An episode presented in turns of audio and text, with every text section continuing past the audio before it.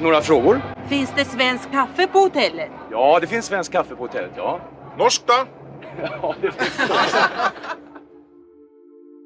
Ja, det var såklart ett klipp från klassiska 80-talsfilmen Sällskapsresan när Stig-Helmer åker på charter till Gran Canaria. Och det är fortfarande en av favoritorterna för många svenskar att åka till.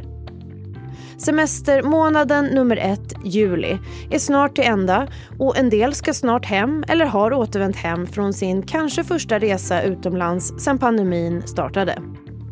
Och det var som om fördämningarna släppte när vaccinationerna drog igång på riktigt. Det var många resebyråer som märkte att svenskarna törstade efter solen och den här sommaren så har många kommit iväg på en resa någonstans. Nyligen kom rapporter om en skenande smittspridning av covid-19 på Cypern dit många svenskar tagit sig. Även Malaga har pekats ut som en plats där svenskar smittats. Och det är unga som verkar driva smittan just nu. Det är många i den gruppen som inte vaccinerat sig och i flera regioner görs samma koppling.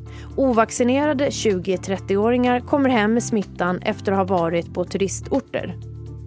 Rätt vad det är så är hösten här och frågan är om utlandsresorna kommer att sätta spår i pandemibekämpningen framåt. Kan det göra att covid-smittan drar igång igen i Sverige eller inte? Och är det ens allvarligt att det blir lokala covid-utbrott nu när vaccinationerna går raskt framåt? Om det här handlar dagens avsnitt av Aftonbladet Daily. Jag heter Amanda Hemberg Lind. Gäst är Joakim Dillner, professor i infektionsepidemiologi vid Karolinska institutet. Han får börja med att svara på hur han tror att pandemin påverkas av alla utlandsresor. Ja, vi har idag ett läge där vi har väldigt liten spridning inom Sverige. Det är så pass liten spridning att jag tror att regionala smittskydd har goda möjligheter att eh, hålla koll på epidemin nu. Eh, men de får ju ett svårare jobb om man tar med sig eh, smitta när man har varit utomlands som skapar nya utbrott. Så att, att eh, det, det, finns risk att resandet resulterar i att balansen tippar och att vi får epidemin, en början på en fjärde våg i Sverige som man har sett på i flera andra länder. Men hur bedömer du att situationen är just nu då? För det är en del som har eh, börjat, det är ändå i slutet på semestrarna. Hur, var står vi just nu så att säga? Ja, nej, det är det är så att, att i många länder i hela Europa så, så ser man att det blir en, en ökning utav epidemisk spridning av Corona, i synnerhet av den här eh, smittsamma deltavarianten eh, just nu. Eh, I Sverige har vi bara sett uppgångar lite grann regionalt i Stockholm i synnerhet eh, associerade till hemvändande semesterfirare. Eh, men det finns ju risk att det kan bli mera när man kommer hem ifrån många länder. Och alla kanske inte gör som så att de låter testa sig när de kommer hem eller håller sig i hemkarantän så att, att det finns ju risk då att, att man kan starta utbrott. Ja, det här om vi tänker lite framåt ändå, vad, vad, som kan hända efter de här resorna. För att det är ju nu det också börjar, eh, man börjar röra sig just eh, runt om i, i världen och alla människor som älskar att resa har börjat igen och det är ändå slutet på pandemin och sådär. Men hur bedömer du att hösten kan bli på grund av, i och med att svenskarna ändå är ett slags resande folk? Ja, jag, jag, tror att eh, vi har den nuvarande nivån på smittspridning i landet som är väldigt låg och inte motiverar allmänna restriktioner. Eh, det kan säkert vara motiverat med lokala restriktioner om det är ett lokalt utbrott. Eh, men det är knappast motiverat med allmänna restriktioner just nu. Eh, och vi har att eh, massvaccinationerna rullar på i ganska bra fart. Jag skulle tro att någon gång i september, kanske oktober, så är vi uppe i ungefärligen att 75% av alla svenskar har tagit vaccinerna. Och då tror jag inte att det finns förutsättningar för spridning av eh, infektionen i eh, Sverige mera. Så att eh, eh, om vi kan hålla infektionen utanför landet fram tills dess att vi har fått upp ordentlig immunitet, eh, då tror jag inte att vi ska behöva få se fler epidemier här. Och mm, det, om, om man tänker nyheterna på senare tid så har ju bland annat Sypen har varit uppe, att, att det har varit eh, många fall där just på grund av att det kommer bland annat svenskar dit. Är det allvarligt att sånt sker? Ja, det är det absolut. Eh, och det, och det, man kan säga att det är, är två saker som man bör fundera på om man ska göra ett eh, icke nödvändigt resande någonstans. Dels är det ju det att det finns ett antal länder som inte har hunnit vaccinera så många. Och där finns det ju risk att man tar med sig någon smitta hemifrån, från Sverige eller någonting annan, någon, någon annat land. Då. Eh, och, och, man startar en epidemi i det land som man semestrar i. Eh, och det är ju verkligen någonting som man absolut bör försöka undvika. Eh, det andra är ju det att åker man till ett land som Cypern eller Spanien som har nästan galopperande epidemier just nu, då är det, kommer det vara svårt att hålla sig osmittad. Eh, om, I synnerhet om man är ovaccinerad när man åker ner. Och då är sannolikheten hög att man har med sig det hem när man kommer hem. Runt 75 procent av svenskarna har tagit åtminstone en dos covid-vaccin. Om man gör en utblick i världen, dit många svenskar gillar att resa, till exempel i Spanien, så ligger vaccinationsgraden där på runt 65 procent som fått dos 1. I Grekland på runt 55 och på Cypern strax under 60 procent. Ja, och apropå Cypern. Där ligger partydestinationen nummer ett, Ayia Napa. Dit åker många unga svenskar på charter. Och tittar man på statistiken så sticker Cypern rejält iväg i antal covid-smittade den senaste tiden. Den rusiga känslan av att allt nu är frid och fröjd, den kom lite väl tidigt enligt professor Joakim Dillner. Jag tror att eh, det är många länder som har eh, eh, den här känslan av att man kan slappna av för att epidemin är över. Den har kommit lite för fort. Eh, att vi ser att eh, för att sprida den här eh, smittsamma deltavarianten då är det i synnerhet de lite yngre mellan 18 till 29 som ofta är, är inte alls är vaccinerade än som sprider den.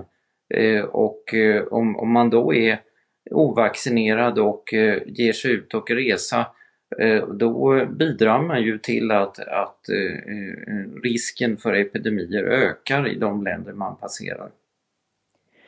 75 procent av svenskarna har, ju ändå fått dos 1. Och så tänker jag att om vi, om vi tänker till exempel Spanien som ju är många svenskars eh, favoritresmål. Där så har man vaccinerat, ja det är strax under 65 procent. Det är ändå relativt högt så. Och hur farligt är det att vi åker på lite charter när det ser ut så här? Ja, Problemet med den här eh, deltavarianten är att man inte är fullt skyddad förrän man har fått bägge doserna.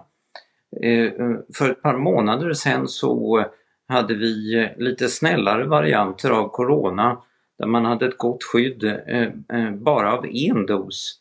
Men det gäller alltså inte längre, nu behöver man bägge doserna för att vara ordentligt skyddad.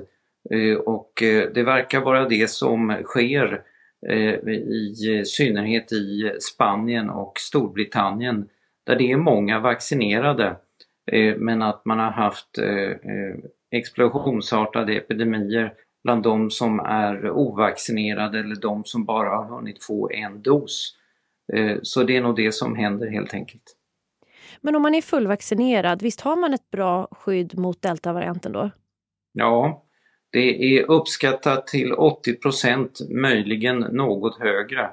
Eh, och eh, det är lite lägre än vad det var mot den gamla varianten där skyddet var över 90% Men det är fortfarande ett bra skydd. Eh, så att, att även om det säkert finns enstaka där vaccinationen inte har bitit så är det så pass bra skydd att om många i befolkningen tar vaccinet då får vi nog en befolkningsimmunitet och slipper se fler eh, epidemier i Sverige. Ja, det här med immunitet och det här med flockimmunitet. Det finns ju röster om att vi aldrig kommer att uppnå någon egentlig flockimmunitet utan att vi kommer att smittas av covid-19 alltså flera gånger under vår livstid trots att vi är vaccinerade. Hur ser du på det? Mm, ja, jag, jag tror att det, eh, de spekulationerna är i första hand från erfarenheterna av de eh, ofarliga coronavirus eh, som fanns förut som kom liksom en gång om året och som gav immunitet bara till nästa år. Och innan vi hade data på hur långvariga, långvarigt skyddet är efter vaccination så var det naturligt att, att tänka sig att ja, det kanske inte är mer långvarigt än efter en sån här säsongskorona då. Men eh, jag, jag, har inte sett några tecken på att eh, eh, skyddet efter vaccination sjunker. Det verkar vara mera stabilt än efter en eh, sån här naturlig infektion. Eh, så att eh, det rullar på så, så bra över hela världen. Nu såg jag att, att det var redan 26% av den globala befolkningen som hade tagit vaccin. Eh, så att eh, jag tror det är goda chanser att, att eh, vi, vi får kontroll på den här coronaepidemin och att inte ska behöva ha nya epidemier årligen på grund av att det kommer nya varianter och skyddet har blivit svagare och så. Det är förstås fortfarande tänkbart men jag, jag bedömer det som osannolikt. Har du någon uppskattning då när vi kan säga att vi har uppnått flockimmunitet och kan slappna av riktigt? Blir det i höst eller kan du våga dig på någon gissning? Ja, eh, jag, jag uppskattar ungefär 75% fullvaccinerade i hela den vuxna befolkningen. Eh, det finns förstås en viss osäkerhet i, eh, i den uppskattningen eh, och det kan ju, det finns också osäkerhet på om att om det skulle uppstå någon ny virusvariant eller någonting sånt här. Men att om det inte händer något oförutsett så skulle jag tro att redan i september, oktober kan vi ha uppnått sån här flockimmunitet i befolkningen. Eh, och eh, då, är det eh, alltså läge för att slappna av på riktigt tycker jag. Det är i alla fall inte så långt kvar så att snart kan vi då släppa loss lite mer i alla fall. Tack så mycket Joakim. Ja, tack så mycket. Sist här hörde vi Joakim Dillner, professor i infektionsepidemiologi vid Karolinska institutet. Du har lyssnat på Aftonbladet Daily, vår dagliga nyhetspodd. Och jag heter Amanda Hemberg Lind. På återhörande, hej då. Du har lyssnat på en podcast från Aftonbladet. Ansvarig utgivare är Lena K Samuelsson.